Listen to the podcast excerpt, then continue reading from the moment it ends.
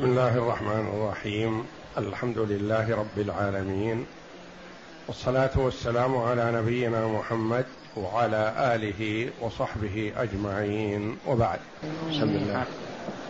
أعوذ بالله من الشيطان الرجيم. بسم الله الرحمن الرحيم.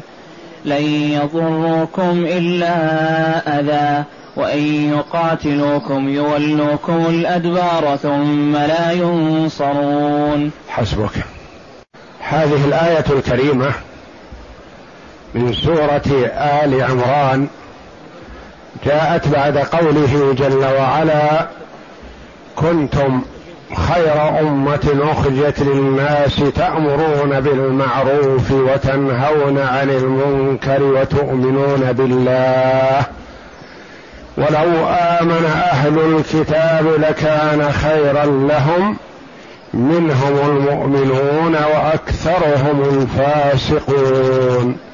لن يضروكم إلا أذى. الآية.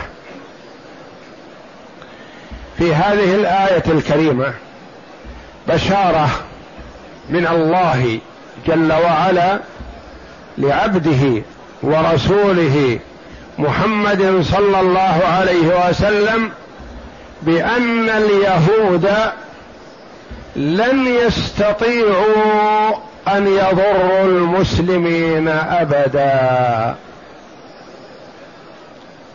ولن يغلبوهم. والواقع هو كما أخبر الله جل وعلا. فعلى كثرة اليهود وتعدد طوائفهم وكثرة محاربتهم وعداوتهم للنبي صلى الله عليه وسلم وللمؤمنين ما قابلوا المسلمين بالسلاح.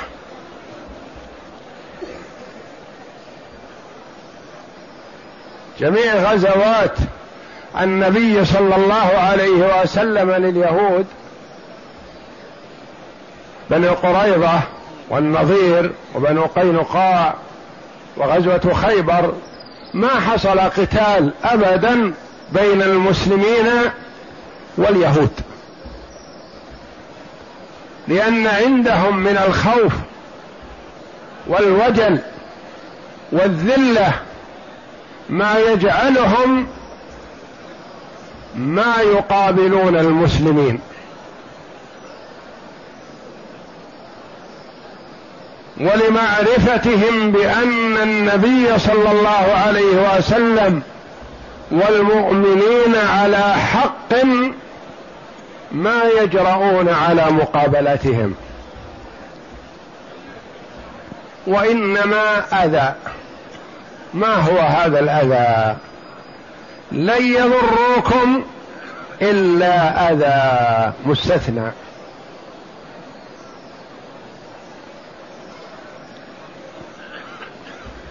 يصح يقول العلماء رحمهم الله أن يكون الاستثناء هذا متصل. ويصح أن يكون منقطع. وعلامة الاستثناء المتصل أن يكون المستثنى من نوع المستثنى منه.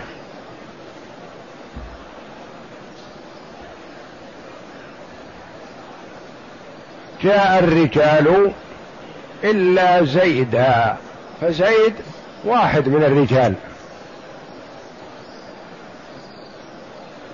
نجح الطلاب إلا عمرا. عمر واحد من الطلاب. هذا الاستثناء متصل لأن المستثنى نوع من المستثنى منه فرد من أفراده. فأنجيناه وأهله إلا امرأته. متصل لأن المرأة من الأهل. وقيل الاستثناء هنا منقطع. كيف يكون منقطع؟ لأن المستثنى من غير المستثنى منه. لن يضروكم على الأول لن يضروكم إلا ضررا سهلا أو ضررا يسيرا. هذا الاستثناء متصل. لن يضروكم إلا أذى. الاستثناء منقطع. لن يضروكم في الحروب والسلاح إلا أذى بالكلام فقط. والمستثنى من غير المستثنى منه. المستثنى منه ما يضركم بالسلاح. ولا يقابلونكم في القتال. عندهم من الجبن والخور والضعف ما يستطيعون مقابلة المسلمين. وما تقابلوا مع المسلمين على كثرتهم في حرب بالسلاح. وإنما مؤامرات وعمل في الخفاء. وإذا حوصروا استسلموا.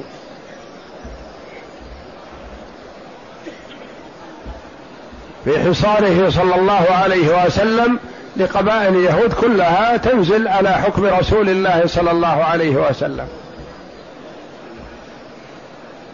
وحصاره لخيبر كذلك. لن يضروكم إلا أذى لن يضروكم ابدا لكن الكلام الذي يزعجكم ويؤثر عليكم كلام في السب في افتراء في ما إلى ذلك من ال من الأذى الذي يؤذي المسلمين ولا يضرهم. ما فيه ضرر على المسلمين لأنهم غالبون ومنتصرون. فيصح هذا ويصح هذا وكلا المعنيين والله أعلم حق. لن يضروكم ابدا إلا ضررا بسيطا وسهلا. لن يضروكم إلا بالكلام فقط والكلام غير الحرب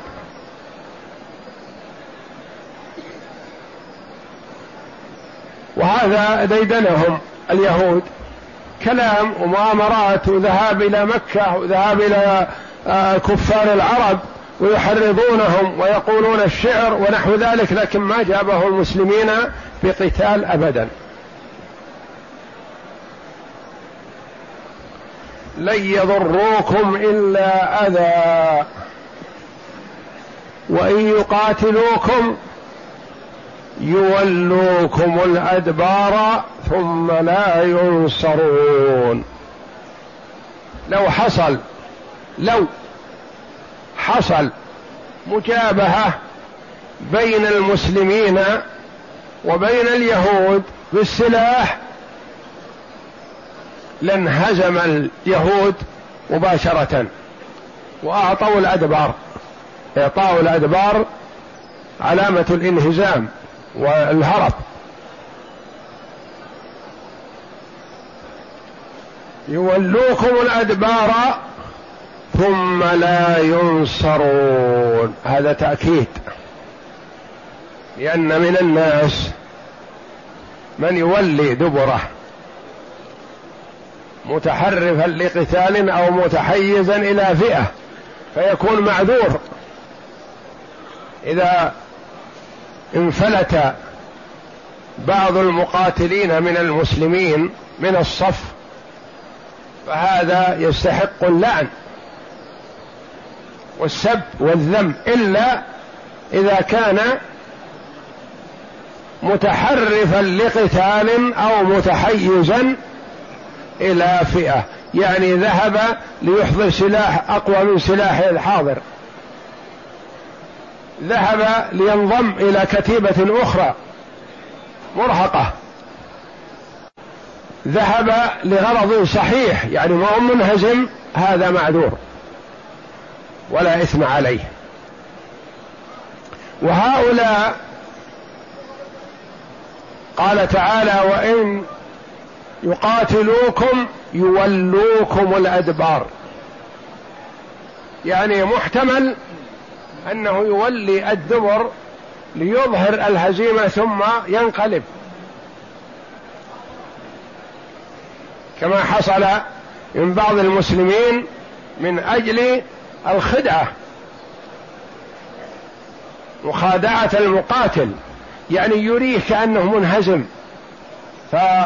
فيهرول معطي الدبر ثم يلتفت بسرعة ويقطع رقبة من لحقه من الكفار. فأكد الله جل وعلا بأنه ما يولي الدبر من أجل الكر وإنما هم ولوا الأدبار ولا نصر لهم أبدا. ثم لا ينصرون. فهذه الآية آية عظيمة فيها بشارة للنبي صلى الله عليه وسلم والمسلمين بأن اليهود ما يجابهونهم بالقتال ولا يستطيعون مقاتلتهم. ولو على فرض أنه حصل فإنهم سرعان ما ينهزمون. اقرأ. يقول الله تعالى مخبرا عباده المؤمنين ومبشرا لهم أن النصر والظفر لهم على أهل الكتاب الكفرة الملحدين. فقال تعالى لن يضروكم إلا أذى وإن يقاتلوكم يولوكم الأدبار ثم لا ينصرون. هكذا وقع فإن هكذا وقيل إن هذا الأذى يرجع إلى من أسلم من اليهود رضي الله عنهم كعبد الله بن سلام أنهم يؤذونهم. يؤذون من أسلم من اليهود بالسب. يقول لو كانوا خيار ما تركوا دينهم لو كانوا كذا كما قال مقاتل رحمه الله إن رؤوس اليهود كعب وبحري والنعمان وأبو رافع وأبو ياسر وكنانة وابن سوريا عمدوا إلى مؤمنيهم مؤمن اليهود. عبد الله بن سلام وأصحابه فآذوهم لإسلامهم. فأنزل الله تعالى لن يضروكم إلا أذى. يعني اثبتوا على ما أنتم عليه ولن يضركم هؤلاء اليهود بما يتعرضون لكم به من السب. نعم. هكذا وقع فإنهم يوم خيبر أذلهم الله وأرغم أنوفهم وكذلك من قبلهم من يهود المدينة بني قينقاع. جميع قتال النبي صلى الله عليه وسلم ومحاصرته لليهود ما برزوا بالسلاح. ما قاتلوا بالسلاح ما تقابل مسلم مع يهودي لأن عندهم خوف ووجل ما يستطيعون المقابلة. تقابل المشركون مع المسلمين بكثرة لكن اليهود ما تقابلوا. في جميع غزوات وحصار النبي صلى الله عليه وسلم بني قريظة وبني النضير وبني قنقاع وغزوة خيبر وكلها ما تقابل مسلم مع يهودي وإنما يحاصرهم النبي صلى الله عليه وسلم ثم ينزلون على حكم رسول الله صلى الله عليه وسلم. وكذلك من قبلهم من يهود المدينة بني, بني قينقاع وبني النضير وبني قريضة كلهم أذلهم الله. وكذلك النصارى بالشام كسرهم الصحابة في غير ما موطن. وسلبوهم ملك الشام أبد الآبدين ولا تزال عصابة الإسلام قائمة بالشام حتى ينزل عيسى بن مريم وهي كذلك ويحكم بملة الإسلام وشرع محمد صلى الله عليه وسلم. فهم لا تقوم له قائمة أبدا كما أخبر الله جل وعلا وكما سيأتي في الآية غدا إن شاء الله. ضربت عليهم الذلة أينما ثقفوا إلا بحبل من الله وحبل من الناس. والله أعلم. وصلى الله وسلم وبارك على عبده ورسول نبينا محمد وعلى آله وصحبه أجمعين.